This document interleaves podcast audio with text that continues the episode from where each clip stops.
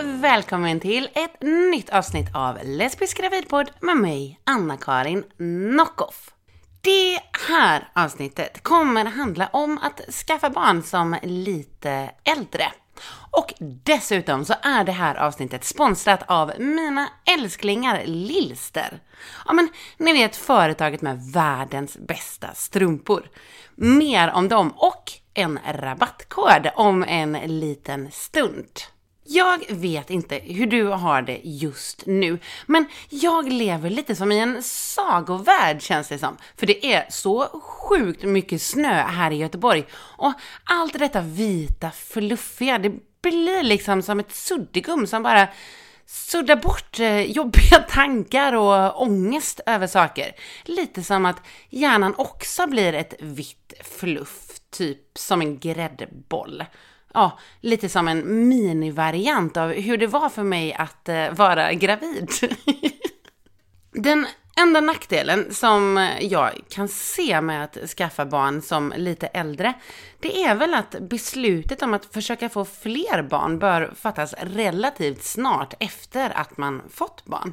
Och ja, jag skulle behöva kanske tio år till på mig att fatta ett sånt beslut. Det känns så drastiskt att bara, nej, inga mera barn. Och det är ju inte heller något som bara kan, ja, vi, vi får se, händer det så händer det.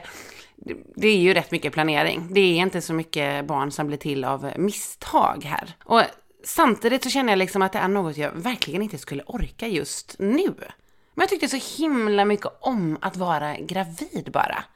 Och då är det ju tur att eh, snun kan komma så här och ge mig en liten, liten minigraviditet. Även om det enda jag får ut av det är det här vita fluffet i hjärnan.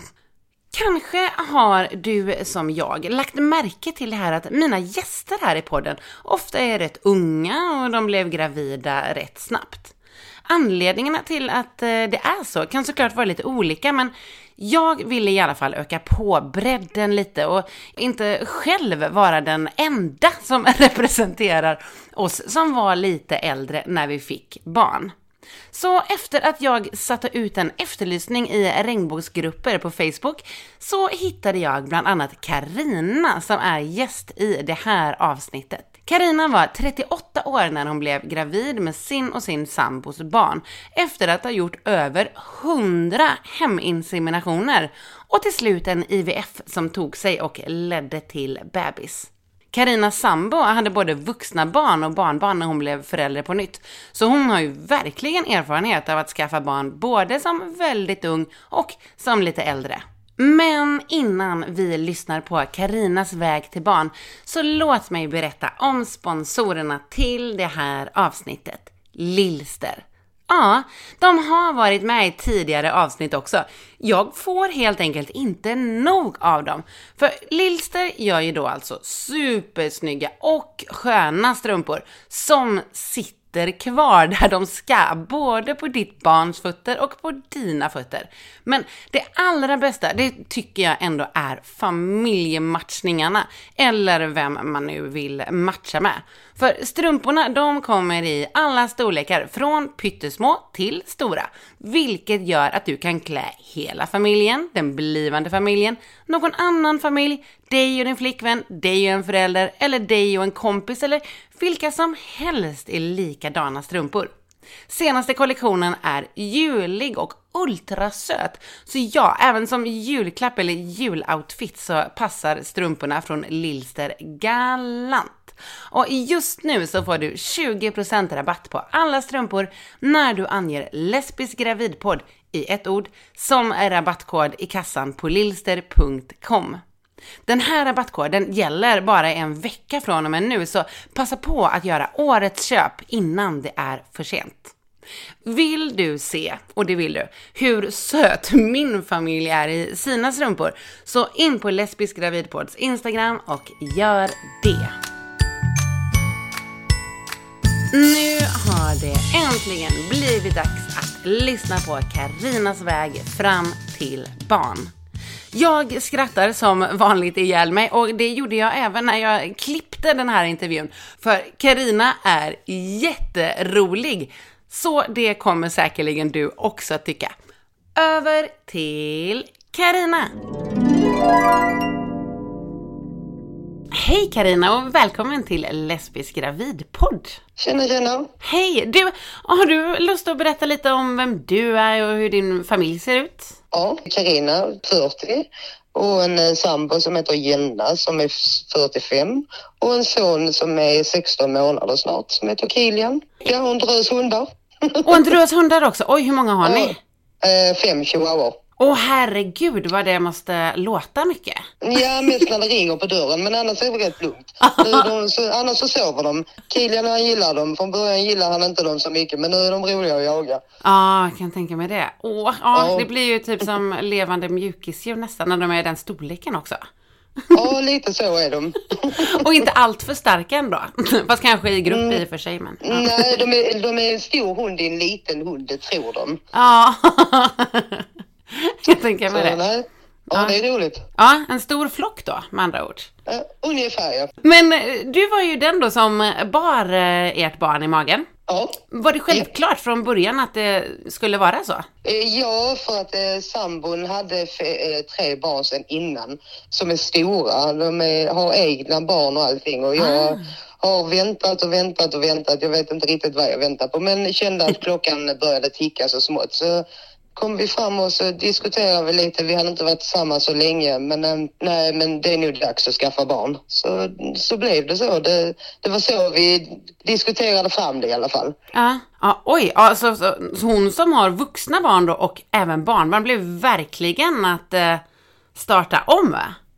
I- Ja, det är väldigt starta om för henne och det var, det var inte, det var väldigt, det är lite positivt men det var väldigt, väldigt mycket negativt från början för att då skulle de ju helt plötsligt få ett, alltså lillebror eller lillasyster och du vet, och börja om. Det var väldigt, väldigt, men eh, det, efter mycket diskussioner och allting sånt så blev det bra till slut. Ja, vad bra. Men vadå, var de skeptiska då till att det skulle bli konkurrens? Att det skulle bli fler eh, syskon och så? Nej, alltså det var nog mest för att mm, mamma hon eh, hade ändå blivit lite äldre och jag hade inga. Och det, skulle, det blev lite konstigt där att det skulle komma ett litet barn helt plötsligt. Om det nu kom ett barn överhuvudtaget till att börja med. Ja. Men eh, ja, nej, men efter det hade funkat in. Vi tänkte lite fel från början. För vi tänkte att vi skulle göra det som en liten överraskning. Ah. Och så det kom lite surprise, men det var ingen god idé så att, eh, därför så kom, efter vi hade pratat med varandra så berättade vi om att vi funderade på att, eh, på att skaffa barn. Men då hade vi ju redan inseminerat ett tag, men det visste ju inte barnen. Nej. Men eh, det berättade vi inte den lilla detaljen. Men eh, det löste sig och det lät det funka in. Det får ta den tid det tar. Mm. Så blev det bra till slut. Ja. ja, det var ju väldigt skönt. För ni började ju då med heminseminationer. Ja, det Ja. gjorde vi. Det. Jag hade ju levt själv ett tag innan jag träffade Jenna och, eh, och funderat på om man skulle skaffa det själv och allting. Men sen så när vi träffades så satt vi och fund, fund, alltså jag googlar ju allting. Jag, han borde heta Google istället egentligen. Men eh, ja, jag har googlat allt och lite till. Men vi eh, gjorde, vi kontaktade på vissa sidor där och hittade en donator som ställde upp i ur och skur och i, i alla lägen om vi säger så. Jag skulle, vi skulle kunna skriva en hel bok på alla konstiga ställen som vi har inseminerat på. Nu måste du berätta. Landvetter tio minuter innan flyget går. Ja, det Oj. funkar det också. Men det funkade inte hela vägen. Nej. Men det funkade just då. Men, det, men jag hade det lite på känn att, för vi hade inseminerat i över ett år och Ja. vi hade inseminerat så många gånger så från början så gjorde man regelboken och man liksom exakt hur man skulle göra det. Helt plötsligt så säger Jenna när hon håller på att inseminera, du, där är ett hål till. Ett hål till? Vadå för hål? Ah. Det, det, det finns väl bara ett. Jag bara, men tänk om vi har inseminerat i fel hål. Så, ja, men det är lika bra vi tar där också. Det var bara synd att det var urinröret och det är inget att rekommendera att inseminera i urinröret. Men nu har vi lärt oss var det sitter. Men eh, ja, men ja, nej, det är många konstiga historier. Alltså, det skulle skriva en hel bok. Bör, alltså, som vi började inseminera så gjorde vi enligt regelboken och i alla test, eller sån här eh, stickor. och Det skulle vara om man på rätt dag. Och vi började exakt som man skulle och ligga med eh, benen upp i luften och fladdra. Man skulle cykla och man skulle ett ben upp, ner och överallt. Men det som mer tiden gick från att vara helt koncentrerad till att inseminera i sängen och, man, och allt vad det nu är Mm. till att man låg och åt chips under tiden. För Ja. då hade man gjort det så många gånger så du kände ja, om det lyckas denna gången så lyckas det eller så lyckas det inte som de andra 50 gångerna Nej. som vi provat. Och vi provade inseminera dagar innan ägglossningen och dagar efter. Jag tror att, och vi hade till slut hade vi flera donatorer för Ja. att det kanske var fel på den ena så vi tog några andra. Så Ja. jag tror att under en vecka så hade vi fyra stycken. Jag kan säga att så ont i ryggen har jag aldrig haft, inte ens när jag skulle föda barn. Nej, men herregud. för jag hade ju benen uppe i luften hela tiden i alla Ja. konstiga ställningar och det skulle vara, eh, nej, det, jag har provat allt möjligt. Gud så mycket spermier. Ja, det kan man ju säga att eh, oj, jag hade full där och slangar och vi har, man skulle ju bara, du vet, vi, jag googlar ju fram allting, alla möjliga saker man skulle göra med slangar. Så vi har ju tryckt upp Ja. En slang så långt det går innan typ innan man gör en IVF. Så den har ju gått en bra bit upp där. Ja. Och, ja, man har lärt sig. Men ja, och städerskan på ett hotell i Spanien, hon höll nog också på med inseminationer för hon tog spektrumet. När hon städade där på hotellet så då fick vi köpa ett nytt. Ah. Så jag vet inte, hon kanske var ute på samma resa som vi var. Ja, men precis. ja, då är det ju väldigt praktiskt att hitta en sån. Ja, lite så. Ja, lite så. Det är lite svårt att gå ner till ett hotellrum och så, eller hotellreception och säga ursäkta mig men jag, eh, vi Ja, har blivit precis. av med... Nej, vi hoppade det. Vi köpte ett nytt. Ja. Men räknar ni hur många gånger det blev totalt? Oh, nej, alltså Nej. det...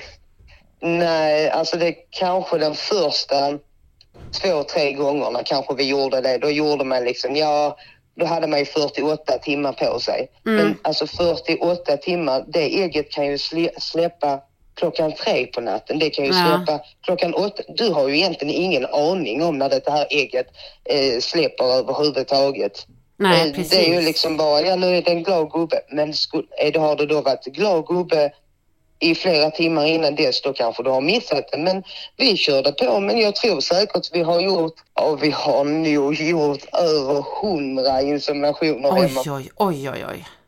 Ja, det tror jag nog alltså. Ja, För till slut, till slut så blev det liksom bara, ja nej men vi gör det nu och sen så, nu är det ägglossning. Ja nej men nu har vi gjort det och så nu går vi iväg du vet. Alltså ja, jag vet inte riktigt. Ja, över hundra har vi nog gjort. men blir man liksom, eh, eller blev ni då liksom så här avtrubbade lite grann under tidens gång eller var det så här, ja men extrem nederlag varje månad då när det visade sig att det inte hade tagit sig? Eh, Ja, li, lite, lite så. Det var därför vi körde med regelboken från början.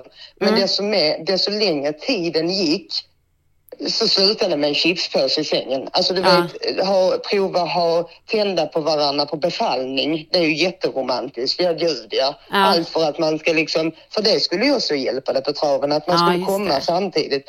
Och vi provade till och med, gjorde en helt galen grej. Vi delade upp det så vi tog satsen, satsen, det låter ju helt galet. Men vi delade upp det. Vi tog 50-50 så hoppas vi på att det var någon det träffade. Men eh, det lyckades inte det heller. nej. Ni Mm. provade en hel del helt enkelt. Men, men hur, eh, då, ja, först så hade ni en donator då och sen flera. Hur, ni hittade dem på sidor, men hur funkar det liksom? Då träffar man, ja, man måste väl träffas eh, såklart, men träffades ni innan för att typ så här se, är det här någon bra? Eller hur? Alltså, gjorde ni? I, min värld, ja det låter kanske lite galet eller vad det gör. Det har av egen erfarenhet att man själv har bara en pappa på papper om vi säger så. Ja, men eh, den första träffade vi och han kom med en jättepärm vi skulle läsa igenom. Tänkte, nej du, alltså jag är inte intresserad av att läsa på dina papper. Jag ska bara ha dina maskar. Ja. Eller vi ska bara ha dina maskar. Men det sa jag inte, jag tänkte bara det. Men eh, vi lyssnade vad han sa och det lät jättetrevligt. Och sen så, han var alltså inseminerade det var någon månad han inte kunde på hela tiden på hela det året. Så han liksom, då hade jag min lägenhet kvar i Malmö och han kom dit och allting sånt. Men nej, de andra vi... Ja, han kunde lika bra sett att han hette Sven fast han hette Patrik till exempel. Mm. Så det var egentligen, eh, du hjälper oss och eh, sen så är det inte mer av den historien. Nej. Så nej, vi tog inte, alltså, ja, nej, det, det var kanske fel av oss att inte ta reda på hela sjukdomshistorien 50 år bakåt eller någonting. Eller, det som händer, det som händer, det kan ju lika bra hända om du hade hoppat i säng med någon på stan. Då kan ju lika bra det hända. Du tar ju inte reda på massa grejer. Så nej, det, Nej. nej. det gjorde vi inte. Nej. Vi tog faktiskt inte reda på någonting. Vi, vi körde järnet och hoppades på att det var någonting som, som tog sig. Men det gjorde det inte. Nej. Efter allt kämpande Ja men och precis. ryggvärk och jag vet inte allt. Ah, nej. Kä, käka folsyra som det är när käkar vitaminer eller någonting. Ja. Det, ja, det hjälpte inte det heller. Ingenting hjälpte. Oh, man skulle prova att äta allt och lite till och allt vad det nu var. Ingenting hjälpte. Nej. Så det, man tappar lite hoppet, tror jag. Och Ja. då tänker man inte heller på det. Och det funkar inte det heller. Nej, inte ens det då, att leva på som vanligt och allt det där Nej. som man ska göra. Nej, ingenting fungerade överhuvudtaget. Och då började jag tänka, alltså, det måste ju vara fel på mig eftersom att jag, är nog för, jag börjar nog bli för gammal. Det kanske har hänt konstiga saker där nere i maskineriet eller någonting. Jag vet Mm. inte riktigt. Men eh, jag bara, nej det får gå som det går. Och sen så diskuterade vi lite och jag bara, att vi skulle göra sån här IVF. Men eftersom det är så fruktansvärt lång kö att göra det genom landstinget så beslutade vi faktiskt, vi hade, när vi körde till Malmö så såg vi klinikens namn hela tiden för vi gjorde det på den Nordic IVF i Göteborg, den finns i Stockholm och Malmö också. Och då såg vi skylten så tänkte jag, nej men det är säkert i det huset. Nej men vi ringer dit eller man skulle gå in på datan så går vi dit och så kollar vi. Men ska vi betala för det själv, då gör vi IVF. För Mm. att nu har vi gjort så många inseminationer så det känns ju lite bara meningslöst att betala massa pengar själv Ja. och så göra någonting som kanske misslyckas. Ja. Så att eh, det förklarar vi för dem, för de frågade också om vi hade inseminerat sånt. Jo, det har vi gjort, men vi kanske drog bort några stycken gånger. Vi hade gjort det på alla konstiga ställen. Vi hade gjort det på handikappstoaletter överallt. Ja. Så eh, den informationen behöver vi kanske inte berätta för dem. Eh, Ja, vi gjorde det på men, hundra. eh, mm, då, eh, nej, då fick vi, kom vi dit efter vi hade bokat ett möte och allting sånt och, eh, då, eh, och sa att vi vill ha IVF. Och eftersom vi betalar det själv så fick man ju välja det själv också. Nej, så att eh, det var så vi hamnade där i alla fall. Men vad- Eh, sa det- de någonting om eh, din ålder förresten, även om ni då gjorde det privat? Men det Nej, kan- vi, vi kom dit till första, då, första besöket och så fick eh, prata med en doktor och att vi berättade hur vi hade gjort och våra funderingar och att hon, då, sambon Jenna hade tre vuxna barn och att jag inte hade några barn men ville gärna ha och vi hade försökt inseminera och ingenting händer. Mm. Nej, och sen så han bara, nej men eh, det låter ju jättebra det här och sen så eh, fick, ni, fick vi ta blodprov så att jag inte hade massa sjukdomar och gud vet vad. Mm. Nej, och, det, och sen när det här var färdigt så fick vi en tid för att gå och prata med en kurator i 45 minuter. Som eh, visste på 45 minuter kunde förklara för oss att vi kommer att bli världens bästa föräldrar. Om man nu kan förklara det på 45 minuter, det har jag ingen aning om. Men jag är heller ingen psykolog. Men vi var i alla fall skulle bli världens bästa eh, föräldrar menar. Men vi skulle Ja. berätta för barnet redan när barnet var nyfött hur han Ja. blev till. Det kunde han ju inte förstå och han kan fortfarande inte förstå om vi skulle sitta och förklara för honom idag. Men det var väldigt viktigt. Ja, nej, men det, det förstår jag. Ja. Och sen så efter det så skulle man vänta till sin första menstruation. Mm. Och sen så, de kollade först äggledarna så allting såg bra ut. Ja. Och sen så när det såg bra ut så fick man, eh, när man fick sin menstruation så fick man ta sådana här sprutor i två veckor som skulle föröka äggen och sen så skulle de förminska dem så att det inte blev över, eh, överproducerat och sen så dagen innan man skulle dit och plocka ut ägg fick man ta en spruta. Så du vet, eh, man kände sig som rena sprutnarkomanen. Här. Två första dagarna var det väl okej men sen började det göra ont alltså. Ja, fy. Ja, det är ju lite som en liten spruta som en eh, sån när man har diabetes. Så den är inte Ja. så stor, men det känns ju på när man sätter det på varsin sida. Ja. Uff. Och, ja, och sen så efter det så fick vi, eh, ja så väntade vi de två veckorna och sen så åkte vi dit och så skulle de, eh, fick vi komma dit tidigt på morgonen för att de skulle plocka ut ägg. Och det var kanske inte det skönaste. Det kändes som en dammsugare som sög ut hela min kropp och lite till. Mm, gud vad skönt. För var, ja, ja det, alltså det var, det, det var jätteobehagligt. Alltså Ja. det kändes jättekonstigt, det måste jag säga. Så det, för varje gång det sög ut det så kände man det. Det var som hela magen sögs ihop. Ja. Och då fick de ut 11 ägg. Men det var sju som klarade sig, men det var fyra som överlevde. Ja, okej. Så stå, sen så skulle vi komma tillbaka efter fem dagar tror jag det var, eller sex dagar. Och då eh, stoppade de tillbaka ett ägg. Ja. I, för de tar bara ett för att annars kan man få både tvillingar och trillingar och hela köret. Mm. Eh, Så skulle det sen hända att man får, de kan ju, den kan ju dela sig men nu gjorde den inte det. Nej. Så, så får man hålla tummarna i de 16 dagar, 18 dagarna var det säger frun här i huset. Ja. Eh, 18 dagarna och sen så skulle man ta ett graviditetstest på morgonen och se vad som hände. Och det så pling sa det. Ah, hur kändes det? Det kändes, det kändes lite overkligt eftersom att vi hade gjort det så många gånger och tittat Ja. på de stickorna och ingenting hände. Och plus att både åldern och allting sånt. Så det, jag tror där först att fast, alltså det kändes konstigt där när den visades två. Men vi blev jätteglada alltså. Det, Ja. det kan man ju säga. Ja, det förstår jag väldigt, väldigt, väldigt, väldigt, väldigt glada. Men det, jag tror att jag tror att det som mer tiden gick för att eh, det är ju lite tydligen, li- så som jag förstår när jag läser det, så är det väldigt vanligt att när man har gjort eh, IVF att man får för tidigt födda barn. Mm, mm. Att eh, det är väl för här har jag förstått det som när man läser på vissa sidor och allting sånt. Men för att vattnet gick åtta veckor för tidigt. Ja, okej.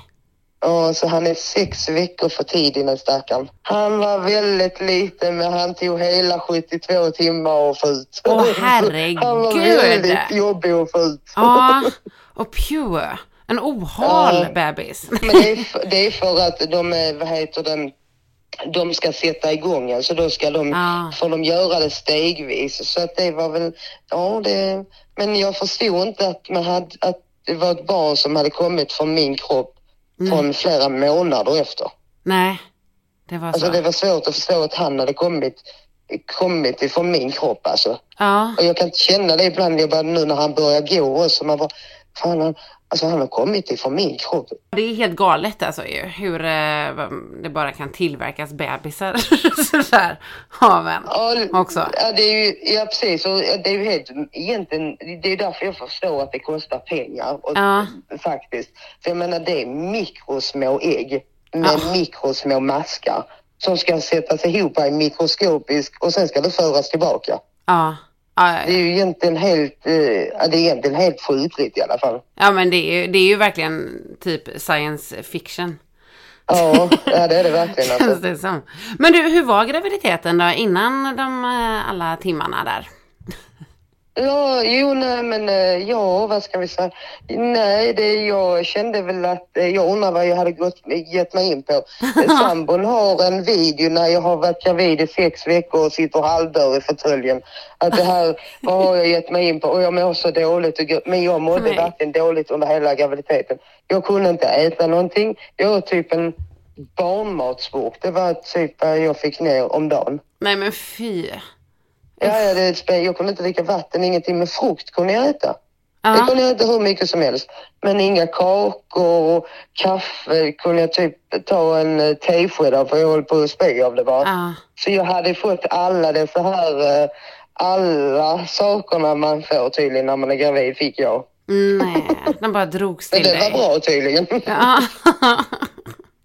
Så, ja, nej, det, nej, det var, nej, oh, ja. Nej, det var inte något att rekommendera under tiden men det var värt det efteråt. Så Ja. kan vi säga. Ja men det var skönt att du kände så. Men kände du så med en gång, eh, liksom även innan du kunde koppla att det var du som hade producerat fram det här lilla barnet?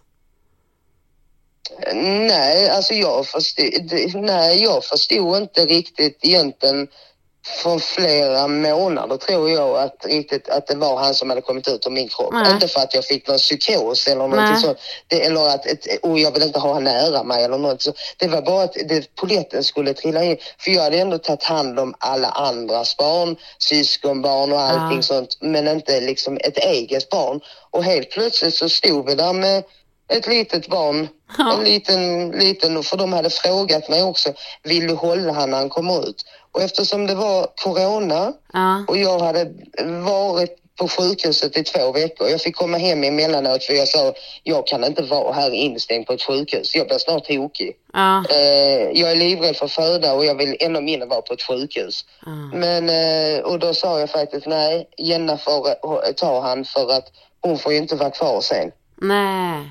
Så att, eh, och eftersom han var för tidigt född så fick han åka in på prematuravdelningen Ja. och Jenna fick inte vara kvar för det var corona och jag skulle sova ut för att, eh, för att jag hade fött ett barn helt plötsligt. Ja. Och så jag fick sova på den BB-avdelningen och eftersom han fick, eh, skulle vet, ha mjölk från mig och jag visste inte riktigt hur man gjorde från början för det var inte så enkelt som man hade tittat på på TV.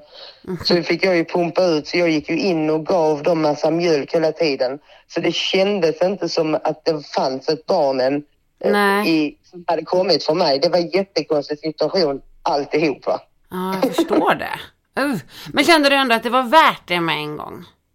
Ja, det var klart. Det var, men det var skönt, det var skönt det, var, det. det var värt varenda, varenda, eh, nu kanske det låter lite äckligt, men det var värt varenda spya och varenda ont i magen och huvudvärk och allt vad det var, så var det lätt värt det. Och alla hundra inseminationer och dammsugnings-IVF och allting. Det var lätt värt alltihopa. Men om jag skulle göra om det, Ja. om du hade frågat mig om det var för 10, 15 år sedan kanske, så ja, Mm. men inte nu. Nej, För jag så. känner att jag är, Jenna är 45, jag har tre styvbarn och så Ja. har vi ett gemensamt. Och jag känner att jag är 40, man ska ha tid, man ska ha energi och allting, allting på hela kartan ska man ha. Ja. Så att eh, nej, det blir bara ett. Så de där tre äggen får ligga i frysen. Ha, nej, så inga mer gemensamma barn för er, helt enkelt? Nej, Nej. nej, nej, nej, det, nej, det räcker jag här. Jag, jag kommer inte ihåg hur ont det gjorde. Jag vet bara att det gjorde väldigt ont och väldigt länge. Och, eh, men det, det var värt det. Ja. Det, var, det är värt varenda krona och det är värt alltihopa. Ja men bra. Men du, förresten så här då i efterhand liksom, skulle du främst rekommendera heminseminationer eller IVF för någon som eh, funderar mellan de två om de ska skaffa barn? Alltså jag tror att, alltså de sa faktiskt även eh, där på, vi var när vi gjorde IVF att lyckas med en heminsemination var 10 procent. Ah. Och jag kan säga alltså mm, ur vår erfarenhet av alla konstiga tider, eh, tidigt, sent, man har gjort med alla regler som finns. Um, glidmedel som inte är spermiedödande och allt vad det är och man ska ha sex i, under tiden och allt. Så rekommenderar jag nej. Då är IVF, för, för med IVF så går det ju, alltså de hjälper ju till hela vägen. Ja. Det ägget ska ju bara sätta sig egentligen. Man har ju gjort rena förpasset till den, den ska ju bara sätta sig på väggen så är det färdigt. Men med insemination så ska ju de först hitta rätt och hela vägen, de ska igenom alla dessa smala gångarna och sånt innan den kommer rätt. Mm. Så att nej, heminsemination, nej det rekommenderar jag nog inte för det är väldigt påfrestande. Ja. Alltså det är väldigt, väldigt eh, påfrestande. Ja. Man- det var det för oss i alla fall. Ja. Ja, ja men det förstår jag. Det lät som en intensiv eh, period alltså. Ja, alltså då, vi sa ju ingenting från början för det skulle vara en överraskning. Men sen när vi väl hade berättat och, och då, ibland när barnen sa om vi skulle hitta på någonting. Ja, det går inte riktigt nu för nu har, har eh, Carina, Ah. vad heter det, ägglossning. Så det kommer hit en donator, du vet. Ah. Så till slut så blev det liksom bara en vana. Ja, det kommer en och så mm, man tar inte det, även om man tar det på allvar så känns det som att nej det kommer ändå misslyckas denna gången också. Ja. Och jag tror att har man lite svårt för, för att kanske bli gravid så eh, när rekommenderar jag IVF. Det gör jag faktiskt. Ja. Sen är det tråkigt att det är så lång, lång väntekö när man gör det genom landstinget. Ja. Och det är svinigt dyrt när man betalar det själv. Men samma som du frågar, är det värt det? Ja, det är det värt det. Ja, det blir det. det man får bara komma på det tidigt om man ska göra det på landstinget. Ja, De precis. betalar man själv så är det ingen åldersgräns. Ja, just det. Nej, man får avväga mellan de två helt enkelt. Men tänkte, du var ju då 38 år när du blev gravid. Ja, Vilka fördelar tycker du att det finns med att eh, skaffa barn när man är lite äldre? Det är nog väldigt, väldigt många fördelar. Man, eh, jag tror att man har levt sitt liv på ett, eh, levt färdigt, eh, inte levt färdigt, men man lever det på ett lite annorlunda vis när man blir äldre. Mm. Kanske inte om du är lite yngre och känner att nej, jag måste ha lite avkoppling, jag måste gå ut med lite vänner eller någonting sånt för att festa.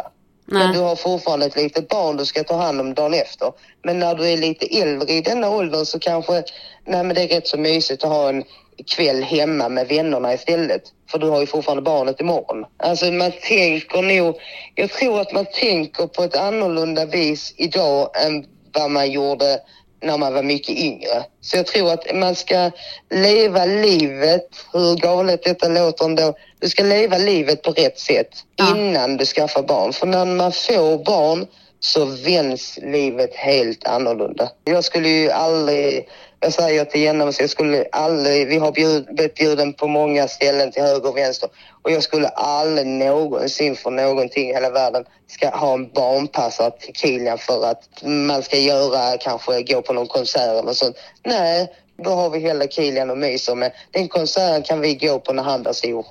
Ja. Så känner jag. Ja. Så det är nog det som är skillnaden när man är yngre och när man är äldre. Man uppskattar saker och ting lite annorlunda när man blir äldre än när man är yngre.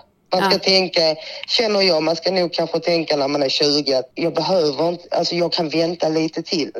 Ja. För du kan, efter du får barn, efter du är 20, du kan inte åka iväg hur du vill. Du kan inte, du vet, springa runt på stan och shoppa hur mycket som helst.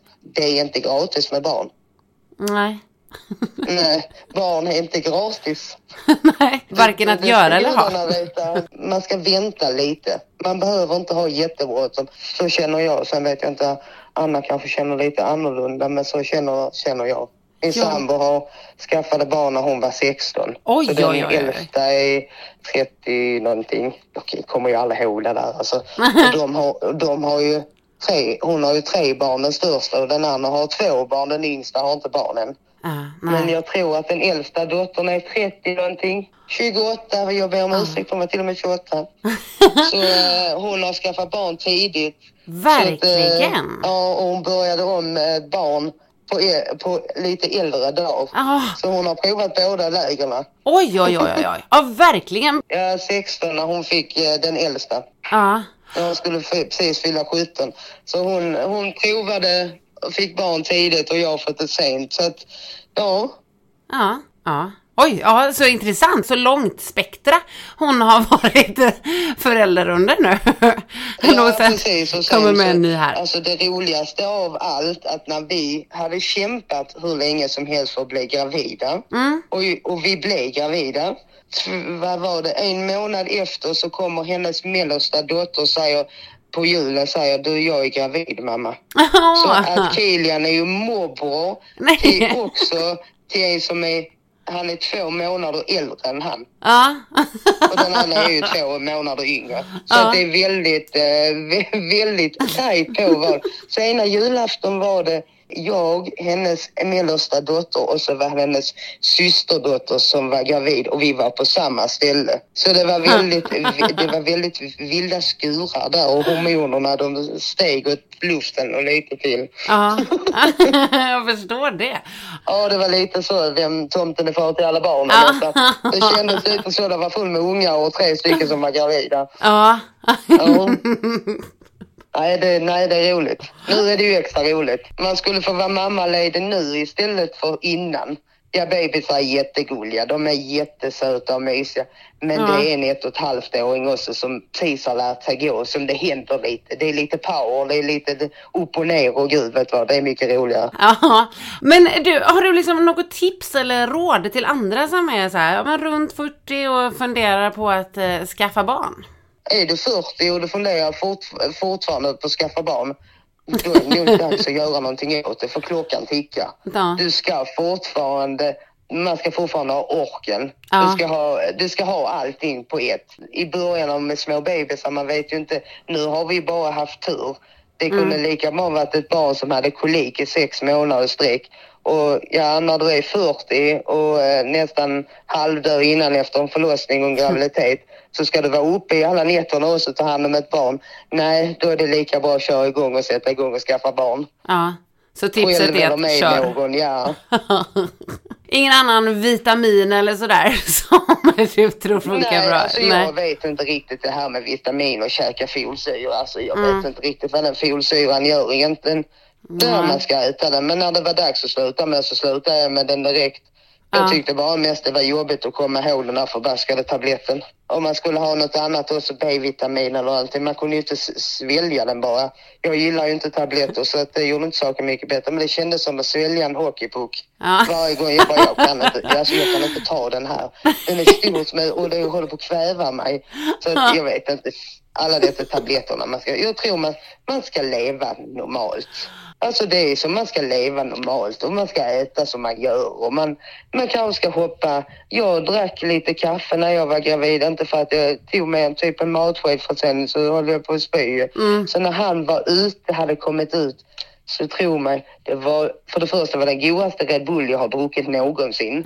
Men den där kopp kaffen och de där två wienerbröden som min kära sambo kom med, det var det godaste jag har druckit och ätit i hela mitt liv. Det slog allt. Jag gillar mina kakor, du vet. Jag kan äta hur mycket kakor som helst. Nu är jag inte tjock eller någonting sånt. Eller det är absolut inte. Men jag gillar mina kakor.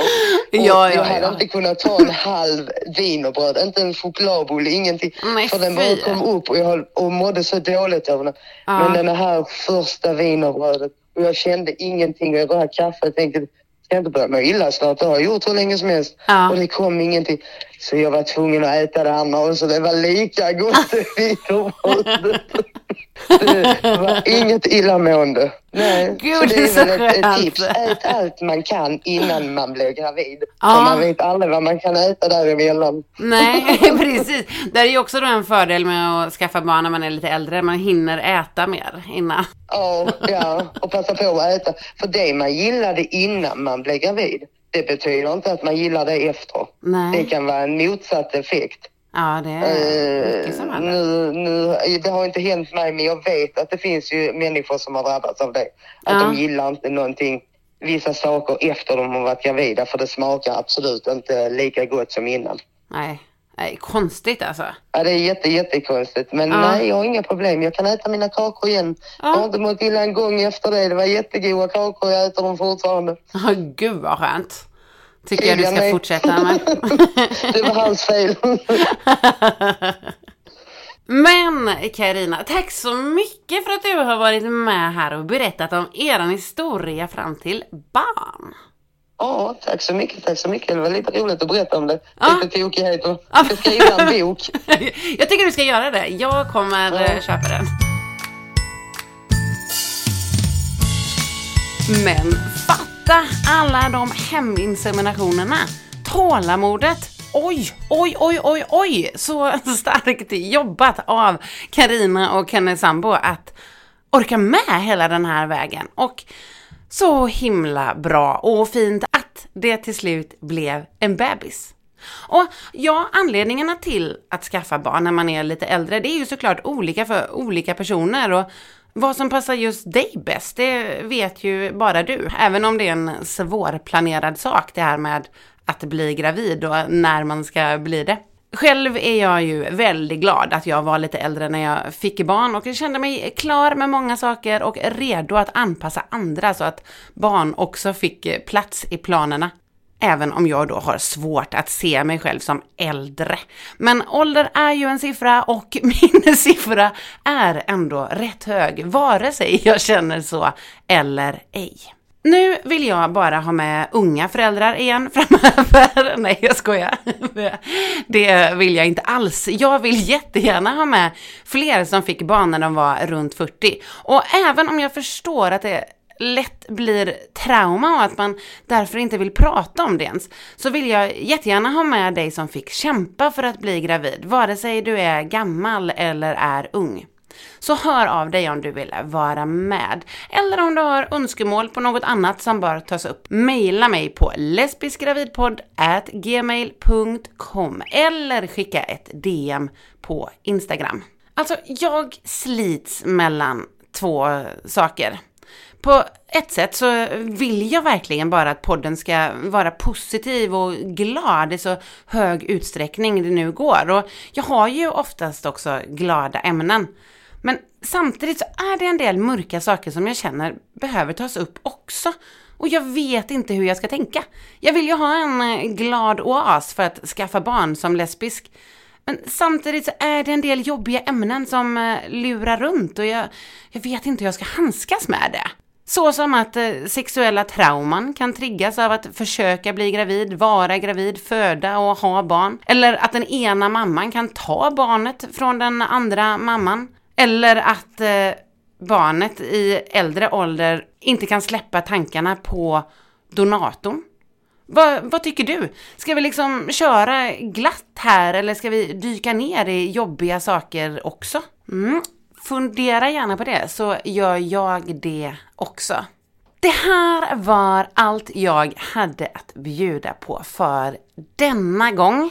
Tack så mycket för att du har lyssnat. Stort tack till Karina som var med och ett jättetack till världens bästa Lilster. Kom ihåg att handla på lilster.com och använda rabattkoden lesbisk gravidpodd i kassan för 20% rabatt. Du, jag tror att vi kommer höras väldigt snart igen. Ha det så bra tills dess. Puss puss, hejdå! Lesbisk gravid på